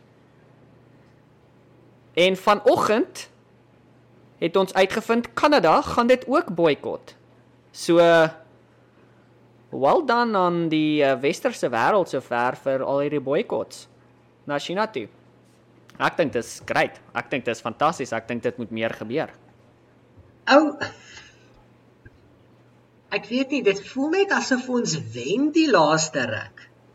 Daarso is dit soos daar's so 'n paar goeters wat ewe skielik uitgekom het en um Okay, maar jy het nou, jy het nou begin praat oor politiek. So nou nou moet ons polities raak. Okay. Maar op 'n op 'n ordent, ordentlike manier. Okay. So ons ja. is hier so ons is dis al 'n uur en 7 minute in die podcast in. So die mense wat nou al so lank uitgehou het om hierheen te luister, julle julle verdien maar om so 'n bietjie politiek te hoor. Ja. Verdien dit. So jy praat dan van hierdie China ding wat besig is om te gebeur. Ek dink dit soos ek sê, ek soos jy sê, ek dink dit is fantasties. Ek dink dit is een van die beste dinge wat ooit kon gebeur het want China moet bietjie aan hulle bekke geruk word en ek is nie bang om dit te sê nie want ek sien van plan om daar te gaan werk nie. Jy weet ek ek ek is nie 'n fan Self. van China nie. Ek hou nie van hoe hulle hulle dinge doen nie en die een sensitiewe doos wat ergens in hierdie area sit. Luister mooi wat ek sê. Ek as ek sê ek's nie 'n fan van China nie, dit beteken nie ek het 'n probleem met Chinese nie. Ek's nie mal oor die regering nie. Ja, nie met die mense. Ek hou nie van die CCP ja. nie. Okay? Die mense yep. skool. Jy weet ek judge mense gebaseer op individuele mense. Gaan nie oor waar jy vandaan kom nie. As jy 'n doos is, gaan ek jou soos 'n doos hanteer. Maar ek hou nie yep. van die CCP nie want wat die Chinese Communist Party doen is nie nice nie. Hulle is eintlik 'n klomp fucked up mense. Hulle is hulle is teen baie van my beginsels en dit is hoekom ek so uitgesproke mm -hmm. teen hulle is. In elk geval. So dit is grait dat hulle geboikont word want ek het eendag met 'n met 'n Swiss ou gechat wat saam met my gewerk het by my skool en hulle verwys na Right. Uh, nie nie as ek sê hulle, nie noodwendig die Swiss nie. Hy het dit vir my gesê daar word soms verwys na China as the giant with clay legs. Jy weet, hy yes. hy kom groter voor as wat hy is. En China moet eintlik maar net wanneer mense ophou kyker na China se needs toe en ophou gat kruip na China want China 'n ongelooflike groot audience. As jy movies maak, wil jy eintlik hê die Chinese moet na dit kyk want dit is wat 1 miljard mense wat daarso bly. So Korrek. Dis hoekom almal gat kry na China toe want hy die nommers, maar China het nie eintlik veel meer om te gee vir die wêreld nie. So nee, hulle het nie. So ja, dit hulle het hulle het die cheap labor wat jy weet uh, as as ek praat nou ek praat nou van die labor camps wat hulle het. En as enigiemand dink daar is nie, fok ja, daar is. Dis hoekom hulle Dis hoekom hulle 'n netspan om geboue sodat as mense uitspring kan hulle nie tot hulle dood spring nie, want hulle verdien niks, hulle verdien sente. Soos mense wat in arm lande ding, bly wat dink hulle werk vir peanuts. Soos mense, daar's mense in China wat werk vir bitter bitter bitter baie minder as dit. So jy weet uh um en dan praat ons nie van al die um die konsentrasiekampe wat daar is vir die Uyghurs, jy weet die moslems ja. nie. Soos ja, soos daar is daar's so baie komponente. Um China wat vir Noord-Korea beskerm. Jy weet, as enigiemand met iets met Noord-Korea wil doen, dan China is daar om hulle te beskerm en en ek bedoel as jy al die stories geluister het wat in daai land aangaan, dit is dis hoe die wêreld nog nie opgestaan het daarteenoor nie, maar dit moet begin iewers en ek's bly dat dit begin dit begin. Ek het eerlikwaar ek het gedink dat hulle gaan nie die ballas hê om China te boikot met hierdie Olympics goed nie, maar what a fucking move. So as ek al my hoed af vir daai ja. jy weet daai verdien daai verdien 'n applause. Ek stem saam met dit. Hoopelik hou hulle nou net aan en hulle verander nie hulle mind nie, maar ek glo nie hulle gaan nie. Jy weet hulle het nou klaar gesê dat dis wat gaan gebeur. Nou So ja. Het ek al vir jou, het ek al jou ooit my Noord-Korea storie vertel? Nee, okay, ek was op die grens van Noord-Korea gewees. Um ek het daartoe Ja, ek ek was in Suid-Korea gewees op vakansie toe ek in Thailand gebly het en um toe gaan nou gaan nou gaan doen ons die DMZ toer. Jy weet die demilitarized zone. Nou, okay. nou gaan jy so op hierdie verskillende uitkyk want dit dis dis koksnats. Dit dis regtig dis is Tom and Jerry behalwe daar's soos miljoene mense wat kan doodgaan as gevolg van dit. So klink ja. fakta, maar is waar. En een van die plekke waar hulle jou vat is hierdie grot. Wat die die die Noord-Koreëns het letterlik tonnels gegrou want hulle wou hulle wou soos 'n secret infiltration in Suid-Korea ingedoen. Nou grou hulle hierdie fucking tonnels en hulle wil hulle wil in Suid-Korea inkom met al hulle military forces en hulle wil Suid-Korea oorneem. En toe vind die Suid-Koreëns okay. hierdie grotte en die Suid-Koreëns sê vir hulle, hoorie se ouens, wat die fok gaan aan? Nee, a a a, a julle het die gate gegrou en julle blameer dit op ons. ja, sulke kaak. En hulle sê nee, ons weet niks van dit nie. Die regering weet niks van dit nie. En dan so so vang hulle die military ouens wat in Suid-Korea inkom deur hierdie grotte in die Suid-Korea, ja. die Noord-Koreaanse regering sê van nee, nee, nee, nee, nee. Julle trek ouens aan soos ons en julle jok. Dis nie ons wat julle probeer infiltreer nie. Maar in elk geval, so dit dit klink soos 'n dit klink soos 'n Noord-Korea daar. Nou nou nou sit ek daarso by die Okay, so jy weet daarso waar Trump gegaan het en vir Kim Jong Un ontmoet het. Nou ons kon nie daartoe gegaan right, het nie yes. of ons het nie daartoe gegaan nie. Dit was so 'n ekstra klomp geld en was nie moeite werd geweest nie. Maar daarna is daar so 'n observation deck en jy kan daai plek sien. Soos jy kan staan met jou verkyker en jy kan kyk okay. na dit en jy kyk en jy sien hierdie jy sien die hierdie watchtowers En daar's dus eintlik 'n Noord-Koreëns wat rondloop op hierdie watchtowers. Hy sê ek het met 'n verkyker gesit en gekyk na 'n ou wat terug na my toe gekyk het met 'n geweer in sy hand. Dis nogals dis nogals Wow. Dis nogals een. Nee, hy het nou nie my gemik nie en ek dink nie die ou het geweet ek kyk Ja, ja, nee, ek verstaan. Maar hy het na ons gekyk waar ons gestaan het en ek was besig om met 'n verkyker na hom te yes. kyk en jy sien hierdie Noord-Korean vlag en jy weet dit dit voel amper half asof jy kyk na hierdie fucking Nazi AWB vlag. Jy weet daar's daar's so 'n vibe rondom dit. Ja. Daar's is net soos jy kyk na dit en jy voel net daar's so 'n weird vibe in hierdie land. Okay, met hierdie vlag van hulle. Want 'n vlag is 'n simbool van 'n land. En Yes. Nou sit ons ook daarso en daar's so 'n daar's so 'n stad. Okay, wag, wag, wag, voordat ek by die stad uitkom. So daar's dus hierdie twee fucking radiotorings oorkant mekaar. Die een is 'n Suid-Korean radiotoring, die ander is 'n Noord-Korean radiotoring. En jy kan sien ou. Okay. Hulle was nou in 'n pielmeet kompetisie met mekaar. Want jy kan fisies sien waarso was die ander een se radiotoring hoër gebou as die vorige een se. En hulle was ja. hulle was in hierdie pielmeet kompetisie met mekaar oor wie kan die hoogste radiotoring bou. ja. Maar ja, nou nou sit ons so daar's so 'n stad op die grens. En as ek sê 'n stad, dan hoop ek jy kan sien ek maak daai air quotes hierso. Want hierdie is nou wat dit weird raak. Hierdie is nou waar Suid-Korea regtig 'n stad met 'n T. Ja. so hierdie stad is nie 'n regte stad nie. Dis letterlik geboue wat gebou is, holdoppe. Die vensters is aan die mure geverf.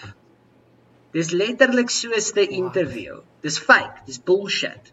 Dis nie 'n regte stad nie. Ja, ja. Hulle het dit daarso gesit want hulle wil vir die toeriste wys en die Suid-Koreëns en goeters dat o, kyk, ons het stede. En jy sien hoe ry kindertjies met hulle fietsse daarso so en goeters en jy kry hulle maar jammer, maar dan dan loer ek dan jy, jy as jy na dit kyk met jou verkyker kan jy sien, daai's nie 'n regte fucking venster nie. Dis letterlik 'n fucking swart Ja. reghoek wat geverf is op 'n gebou. En ja, dit dit dis Noord-Korea. Dit is dis weird. Dit is regtig net fucking Maar- weird. As jy as jy luister na die mense wat ontsnap het al uit Noord-Korea, soos uh die stories is dis dis vieslik. Jy weet, dis daar daar's mense wat uh, vir hulle vir hulle 'n ete, 'n wonderlike ete is 'n rot. Ugh. Daar's mense wat daar's mense wat wat kinders steel en dan en dan kannibaals gaan, jy weet? Vir vleis, vir kos. Dit is wat in daai land gebeur is 'n crime against humanity en die feit dat daar nog niks daarteen gedoen is nie is dis crazy. Daar is 'n vrou wat seker so 2, 3 maande terug was, dalk bietjie langer, was sy op Joe Rogan se podcast. Sy's 'n vrou wat ontsnap het wat baie baie uitgesproke dink ek is praat. um, teenoor Noord-Korea. Ja, ek ek sal ek probeer ook aan haar naam dink. Ek sal dit dalk link in die in die show notes, maar het sy ver, sy vertel haar storie en dit is fucking scary. Die dit is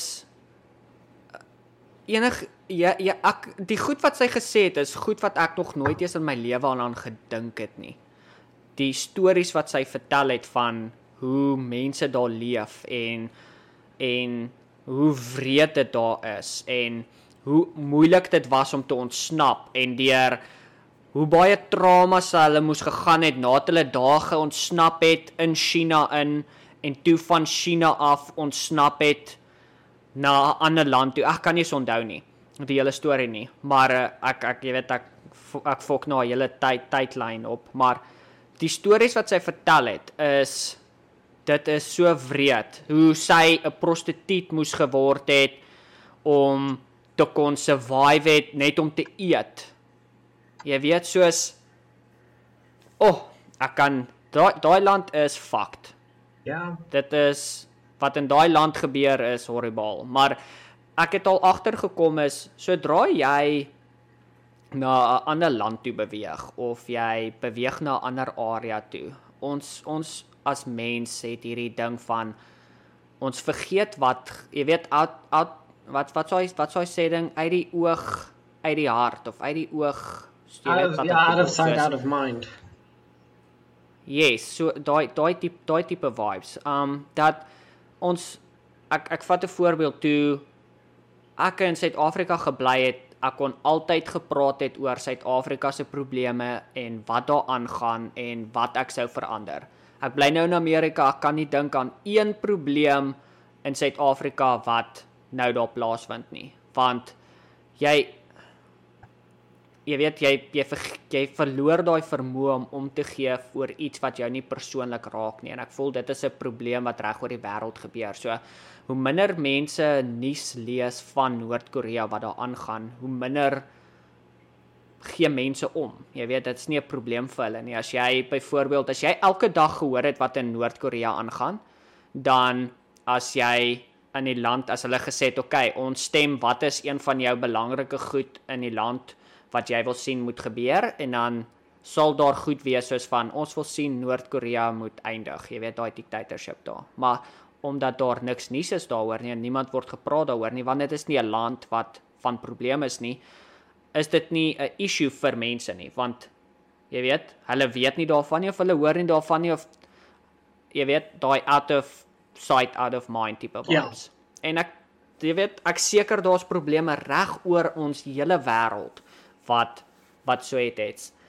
So ek ek is eintlik seker wat die punt wat ek wou gemaak het nie. Ek wil maar net dis maar net iets wat ek iets wat ek aan gedink het en jy weet wat ek wens daar was meer jy weet ek wens ek ek sal nooit vergeet nie nog voordat ek Amerika toe gewor, gegaan het, toe ek my pa eendag daar gesit op die stoep en ons het gepraat en ek gesê, weet jy, kan kan jy vir een oomblik dink en ek praat nie van jy weet 'n uh, one world government en fucking conspiracy theories en al hierdie negatiewe goed nie. Ek praat van kan jy vir een oomblik dink, vir een oomblik dink as die hele wêreld nie gesien was as kontinente of lande of niks nie. Dit ges, was gesien as die human race.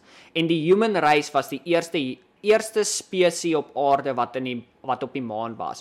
Hoe dink kan jy vir een oomblik dink hoe ver sou tegnologie nou al gewees het?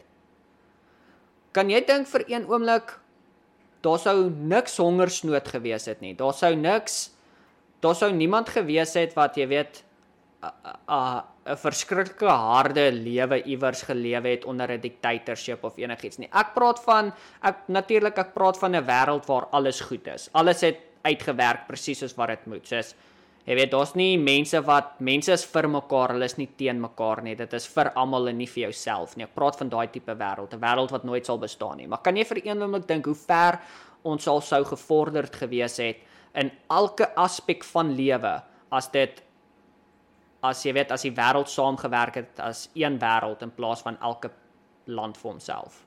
Ja, nee, dit sou fantasties gewees het as dit is wat ons kon gehad het. Maar ongelukkig is ons te lief weet, daarvoor om mekaar te haat. Vir kakvrede is ook. ja, dit is maklik genoeg. Jy weet, dit is so maklik soos jy stem nie vir dieselfde span as ek nie. Ja. Nee. Dit is so maklik soos dit. Ou, oh, ek het een keer in 'n chat gekom en ek ek hou genuinely daarvan om vriende te hê wat met my verskil. Want dit gee vir my altyd 'n geleentheid om my my either een van twee dinge gaan gebeur of my idees gaan versterk word of ek gaan blootgestel word aan ander pers perspektief wat maak dat ek dinge na dinge kyk op 'n ander manier. Maar either way, ek Ek word mm -hmm. verryk. Daar's is niks slegs wat van hierdie gesprek afkom behalwe wanneer mense kwaad raak. So ek het hierdie een close vriendin gehad in uh, in Thailand. En sy is ja, sy ja, kyk hierdie hierdie vrou is sy's drie rasse. Sy is Polynesian, okay. so jy weet daai Hawaiian tipe vibe. Swart en yes. ek dink dis bietjie wit ook daarso in tussenin. So ja, dis dis is triracial as jy sê dit beskryf het. Sy's 'n kommunis, hardcore, hard fucking core ja. Marxist ou. Dit was nogals wild geweest. Ja. Ehm um, kom van Washington State af. En hierso hierso mm -hmm. kry jy verdeweld die fucking Trumper wat jy weet redelik konservatief is en al daardie goeders. Ek en sy het dit ons het altyd lekker gesels want Ek sê sê sê yes. die die eerste aand toe ek en sy nou in 'n politieke gesprek ingekom het, sy sy klim bietjie op haar perdjie en sy sê, jy weet, ek hou nie van debat nie, want dan is ons net almal kwaad vir mekaar en jy weet, mense probeer om mekaar se minds te change en ek stel nie belang dat my mind gechange word nie. En ek sê vir ek van my ek is nie van plan om met jou te debat nie. Ek het geen ek ja, is nie ja. lus om jou om jou te probeer bewys hoekom ek reg is, nê? Al wat ek eintlik maar net wil doen is Um ek wil met jou chat.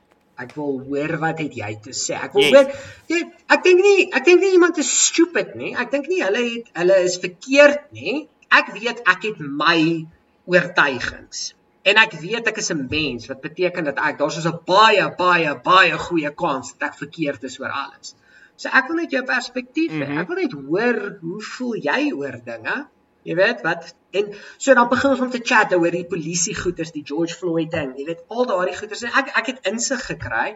Ek stem nog steeds nie glad nie. So ek ek stem nog steeds glad nie saam met meeste van die goeters wat sy sê nie. Maar sy is 'n goeie vriendin vir my. O, mm -hmm. en sy's 'n lesbien ook. Uh so, okay. so dit dit is is dis is die hele dis is die basies ja. die hele teenoorgestelde van my. En Ja. Dit is dis lekker. Dis lekker om met mense te chat wat wat anderster as jy is. En ek ek raai ek, al ja. ons luisteraars aan as jy 'n familielid het dat jy nie meer saamstem nie in plaas van om kwaad te raak en in jou jou jy weet jou moertjie te ja. strip op jou perdjie te klim en sê, "Ag, oh, jy's wat fout is met die wêreld." Shut the fuck up en gaan chat met ja. hulle. Wees die groter mens, gaan vind uit hoekom. Daar is altyd 'n hoekom. Hoekom voel jy so? Nou baie mense is net yep. vol kak. Baie mense bullshit, jy weet hulle hulle hulle voel so oor want hulle is 'n victim of wat ook al. Ek was vir lank 'n victim in my lewe gewees. Dis hoekom ek simpatiseer met hierdie mense. Mm -hmm. Ek het in ek toe ek Suid-Afrika verlaat het, was my verskoning gewees dat 'n ouetjie soos ek sal nooit 'n job kry in Suid-Afrika nie. Nou, in plaas van om dit as my verskoning te gebruik om om jy weet net 'n kan ek sê, maar jy weet net net 'n useless ouetjie te word wat in sy ma se huis bly vir die res van sy lewe, het ek 'n ma gehad wat vir my gesê het, "Fok jou, jy gaan nie 'n useless ouetjie wees wat in my huis bly vir die res van jou lewe nie. Fok of uit my huis uit." En ek het eventueel ek het eventueel opgeëindig in Thailand en ek moes iets van myself gemaak het daarso. En toe kom ek agter dat, ja, jy weet, as jy nie as jy nie 'n werk kry noodwendig nie, jy kan altyd vir jouself 'n werk maak. Jy kan altyd 'n nuwe skill leer. Jy kan altyd iets doen. Hou op om 'n victim te wees.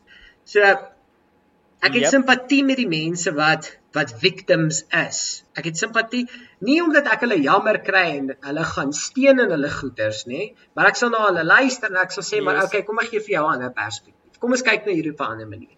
Net soos wat ek verwag van mense wat insig het in goeters wat ek nie noodwendig insig het nie om met my ook so te wees. Jy ek sou onderwyser, jy jy sê nooit vir iemand hulle stupid nie. Jy sê nooit vir iemand hulle is fucked up nie. Hulle kan ja. hoe verkeerd en hoe fucked up wees. Moet dit nie vir hulle sê nie. Jy weet, weet gebruik 'n bietjie tak, wees 'n bietjie slim en praat met mense om hulle te kry om jou oogpunte vers, te verstaan. Hulle hoef jou nie noodwendig te glo nie, maar solank as wat almal mekaar ja. se oogpunte verstaan, maar Jesus, dan het jy ewe skielik nie meer konflik nie, nê? Nee. Dit is 100% soos jy sê. Soos jy weet, uh um daar is uh, baie mense wat ek ook ken wat ek nie meer saamstem nie. Um my vrou se een vriendin, ek en sy stem glad nie saam op enige iets waarvan sy praat en waarvan ek praat nie. Um en uh, maar ons hang nog steeds uit, jy weet, sy voel nooit onwelkom om hier te kom kuier nie en ek voel nooit onwelkom as sy ons nooi om daar te gaan kuier nie. Um daar het al gesprekke 'n bietjie heated geraak, jy weet, maar nog nie een keer het dit vir my of vir haar gevoel soos jy weet um ons moet mekaar dislike nie. So sy weet waar ek staan, ek weet waar sy staan en ja, daar's sekere goed wat al waar ek gewees het soos ek het niks simpatie of simpatie vir hierdie tipe mens nie. Ek het deur goed wat sy vir my gesê het, het ek my mind gechange en ek het al meer simpatie vir jy weet vir sekere goed gekry want uh, ek het eider nie so daaraan gedink nie of ek nie so daarna gekyk nie of ek het nie so die verstaan waaroor daai aspek gaan nie. Ek vat nou net 'n weet 'n voorbeeld. Maar ek weet van my kant af het sy nog glad nie gechange op enigiets wat ek gesê het nie, maar dis ook alright. Jy weet soos um ek voel daar's altyd jy gaan altyd enige persoon wat jy vat en mee praat in die lewe gaan jy iets kry om jy gaan iets leer en dis waar dit gaan. As ons ek is nie getroud aan enigiets waaraan ek glo nie. Jy ja. weet. Um ek ek is open-minded en daar is altyd plek vir groei of verandering as ek voel dit is nou deel of dit vind nou plek in my lewe waar ek kan waar ek 'n verskil kan maak of waar ek uh, my opinie kan verander. Dit kan altyd verander. Daar's niks wat in my opinie is wat nie kan verander nie. Ou, jy weet ek's oop jy jy's nou amper 30, né? Ja. Nou, hoe fucking boring moet jou lewe wees as jy alles uitgefigure het voor 30? ja. Dit verskriklik. Jy jy is of die slimste ou wat ooit bestaan het of jy's die domste fokker ooit as jy dink dat jy het alles uitgefigure voor 30 en dat jy is reg oor alles. En dat dit gaan vir my ook. Ek love dit om te leer. Ek geniet dit vreeslik baie om soos eh, hierso voor voordat ons die podcast gedoen het, ek en jy ek onthou ek en jy het in 'n vorige episode gepraat oor Skinwalker Ranch. Hierso sit ek en ek kyk video's oor cursed movies en supernatural goeters en alles want dit kan moontlik 'n topik van gesprek raak wat dis interessant. Jy weet dis dis lekker om nuwe goeters te leer. Dis dieselfde met politiek en alles. Is dat ja, daar sou is daar is bose mense in hierdie wêreld wat net mag soek, maar jammer om die een te wees wat dit vir jou sê, maar hulle is aan die linkerkant en aan die regterkant. Dis nie net die ander kant van wat ek van hou is die bose mense en al die vieslike mense is democrats of al die vieslike mense is republicans. Nee, daar's soos fucked up mense yes. aan albei kante. Maar as 'n as 'n ja, mens moet jy eintlik die middelgrond vind want die die middelgrond is where it's at. Jy weet dit's wat dit lekker is. Dit is daar waar dinge dis daar waar dinge sin maak. Ek voel jy moet jou middelgrond vind. So as elke persoon se middelgrond verskil. Ek seker as ek en jy 'n uh, 20 vrae het oor politiek gaan uit daai 20 vrae gaan nie my en jou goed nie 100% dieselfde wees nie. Ons gaan verskil teen teenoor op dalk die helfte van die goed. Maar as jy jou middelgrond vind en jy weet waar jy staan, gaan jy altyd oop wees om iemand anders se opinie of kant te hoor van 'n storie en dit dan jy weet da, met dit of saam met dit te kan werk. Ek dink jy het dit baie mooi gesê daarso waar jy sê jy moet jou middelgrond vind. Want ja, daar daar is goeters wat baie mense radikaal beskou aan een of ander kant wat ek dink nie 'n kak idee is nie. En dan is daar so goeters wat glad nie radikaal is nie wat ek dink 'n bevolkte idee is. En jy weet, jy gaan gaan check alles uit. Jy hoef nie jy hoef nooit moet ons Vader se naam nooit 'n hardline enigiets wees nie jy moenie niks nie 'n hardcore whatever wees nie. Soos okay, af, my opinie rondom Amerikaanse verkiesings maak eintlik nie saak nie, want ek kan nie stem nie. Maar nog nie self. maar eendag. nog nie. en wat ek altyd doen is ek kyk na die ek kyk na die kandidaate en ek kyk eh, ek doen navorsing oor hulle. Ek check wie wie hou ek van want jy weet Amerikaanse politiek beïnvloed die hele wêreld. Ek gee nie 'n volk om wat jy sê nie. Dit is dit is hoe dit is. Althans die westerse wêreld. Die westerse wêreld. Ja, daai daai is 'n baie goeie punt. Dit beïnvloed die westerse wêreld. En so ek kyk na ek kyk na al die verskillende kandidaate en dan het ek 'n kandidaat wat ek kies wat ek wil wen. Hy moet wen uit die uit die demokratiese kant uit en ek het 'n kandidaat wat ek kies moet wen uit die republicanse kant uit. En ek vote vir hulle. Mhm. Mm so ek wel nie yep. woud regtig nie, maar jy weet wat ek bedoel. Ek ek ek ja, roep nee, vir hulle. Ek ek was mal gewees vir Tulsi Gabbard in die vorige verkiesing. Inteendeel, ja, ek het al is sy 'n demokrat. Oh, die mense ja. was kwaad vir my gewees want ek het vir hulle gesê ek hoop Tulsi Gabbard wen. Wat? Sy's 'n demokrat. Ek sê nou dit ja, gaan nie oor dat sy 'n demokrat is. Nee. Dis sy sy het goeie values. Daar's goed. Daar ek stem nie saam met alles wat sy sê nie, maar daar's goed waarmee ek saamstem. En dis as jy 100% saam met enige iemand in politiek stem, is jy in 'n plek waar jy nie moet wees ja, nie. Ek stem heeltemal saam. Want jy gaan altyd soos ek byvoorbeeld, ek smaak vir Andrew Yang. Ek love daai dude. Ek was baie hartseer toe hy nie die meier geword het van New York City nie. maar jy weet daar is baie goed van Andrew Yang wat ek nie mee saamstem nie. Ja. Ek dink nog steeds Maar daar is baie goed van hom daar's daar's baie goed van hom wat ek wat hy wat hy gesê het of waar hy gepraat het waar gaan weet jy wat ek het nog nooit so daaraan gedink nie ja dit is waar ja ek hou ook van daai idee en daar's ander goed waar hy gepraat het soos jy weet soos um daai uh, wêreldwye 2000 dollar 'n maand tipe stimulus oh, ja, wat ek was soos nee so ja soos nee ek stem nie saam met dit nie. Maar daar is geen politieke ou waarna kyk in enige waar ek gaan, "Jep, ek stem alles saam met my waarmee jy stem nie." Maar as jy twee kandidaate vat en jy stem met 80% saam van die goed van die een persoon en die ander, regardless of dit blou of rooi of independent of fucking wat ook al dit is, Green New Deal of wat ook al party dit is, en jy stem saam met dit, dan gaan vir dit, regardless van wat wie gaan sê, want dis jy stem met dit saam. Dis waar dit saak maak. Ja. Ja, die, ek ek stem ek stem 100% saam met jou daarso. Wat seker beteken ek is verkeerd, nê. Nee, maar is dis rarig sê, jy weet, kies kies mense wat moet moet nooit vir 'n party stem nie. Stem vir 'n kandidaat wat jou waardes het. Dis maar eintlik waarop dit neerkom. Yes. Want selfs as, selfs as jy na die Republicans kyk, Donald Trump was nie soos die vorige Republicans nie. Hy was nie soos George Bush nie. Hy was nie soos daai Paul Ryan braaf iets soos dit. Jy weet hierdie hardcore establishment korrupte fokkers. Jy weet, die basies die Republican weergawe van die Clintons. Jy weet, hy was nie soos dit nie. Die naaste kandidaat wat wat Donald Trump ooit aan was is Ronald Reagan. En uh, Ronald Reagan het Amerika uit 'n baie kaktyd uitgetrek in die 80s. Was nogals wild geweest wat hy gedoen het. Ja. Die ding is die, die politieke styl wat hulle wat hulle volg word populism genoem. En baie mense, hulle hoor net conservative. Nee, hulle is hulle is populists. Jy kry left-wing populism, jy yep. kry right-wing populism.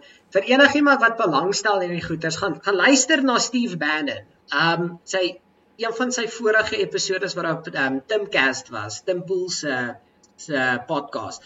Gaan luister na Steve Bannon waar hy praat oor dit. En dan sê jy verstaan populism is eintlik great. Ek hou van populism. Ek dink dit maak nie saak of dit left wing of right wing is nie. Ek dink dit is 'n beter stelsel om meer te gaan.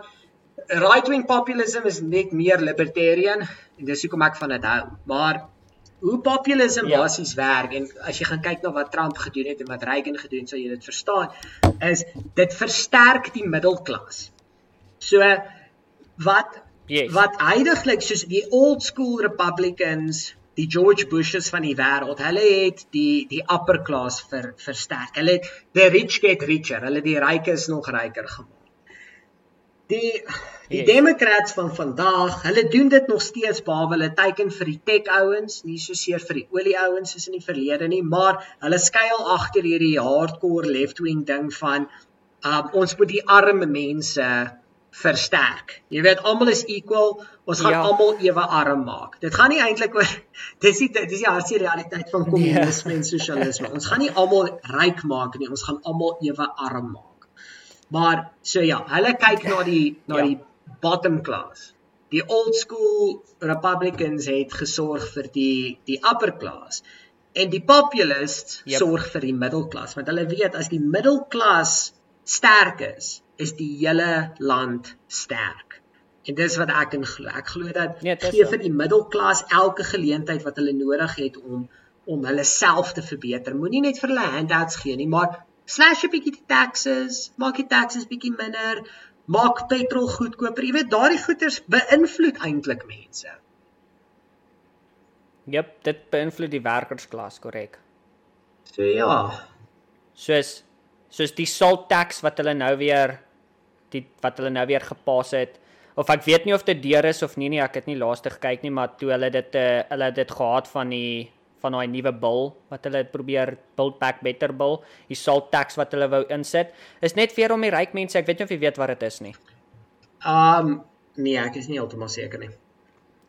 OK, so die salt tax, basies hoe dit werk is as jy meer as 'n miljoen dollar 'n jaar maak, dan kan jy jou en jy het state tax, dan kan jy jou state tax wat jy betaal het teenoor jou federal tax afskryf. Dis wat dis wat die salt tax is. So en dit is as jy net meer as 'n miljoen dollar maak.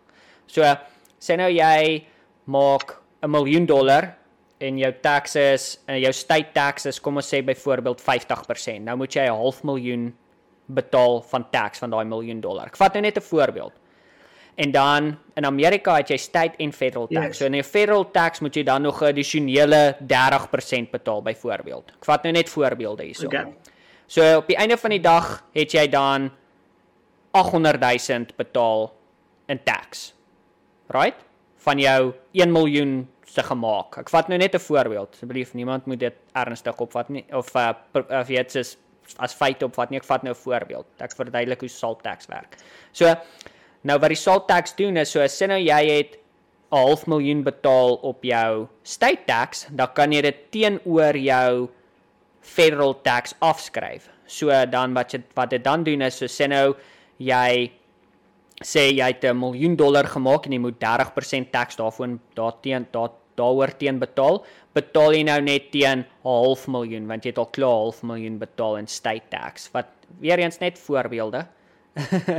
so dis wat die salt tax, dis wat die salt tax is, dis wat die salt tax doen. So hulle het dit in die Build Back Better plan gehad of bill en uh, of dit deurgegaan het met Kongres, ek weet daar was 'n moerse want dit sou almal wat nou weer ryk is, almal wat meer as 'n miljoen dollar gee nou weer 'n tax break.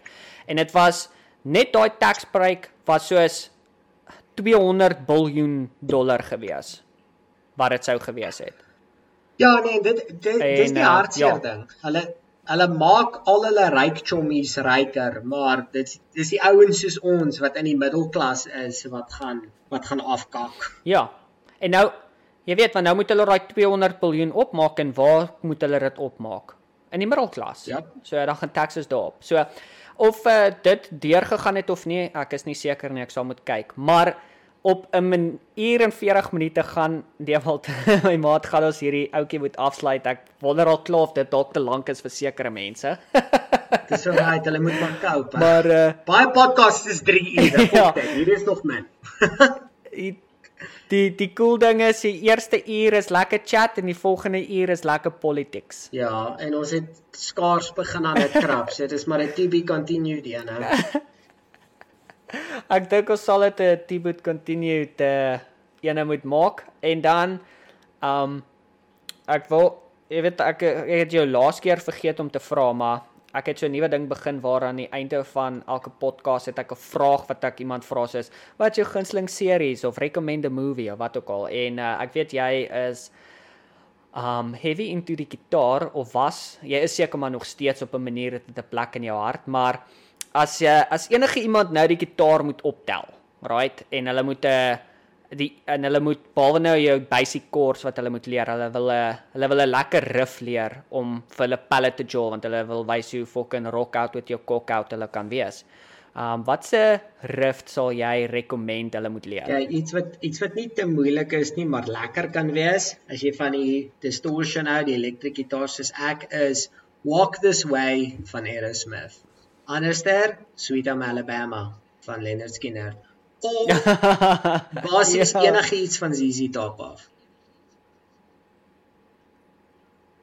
Wel, daar sê daar het jy dit. drie. So as jy as jy 'n inluisteraar is en jy jy rock out met jou cock out met jou elektriese gitaar en jy wil 'n nuwe riff leer wat jy nog nie van weet nie, daar het Dewald vir jou 'n paar recommendations gegooi. Check dit uit. Ek sal uh, ek sal Walk This Way van Aerosmith sal ek link na YouTube. Ek sal 'n YouTube uh, tutorial of 'n uh, rift episode dingetjie sal ek hierso in die op op link. So dan kan jy kan jy dit uitcheck. Maar sê. Maar dan sit dit maar so. I'll say. Alright my maat, dankie weer eens vir 'n lekker chat. Hierdie is ek ek love ons chats. Dit is vir my altyd lekker. Ek kan hierdie ook dit- dit voel dit voel net soos 'n podcast aan die begin en aan die einde wanneer mens bewus word van dit. ek weet die res van die tyd voel dit net soos uh, of ons lekker chat om 'n vuur. Ja, bietjie kak praat. Maar sê man, dit was lekker geweest. Awesome. Awesome. Ehm um, dankie vir almal wat ingeluister het weer eens en uh daar sê enjoy.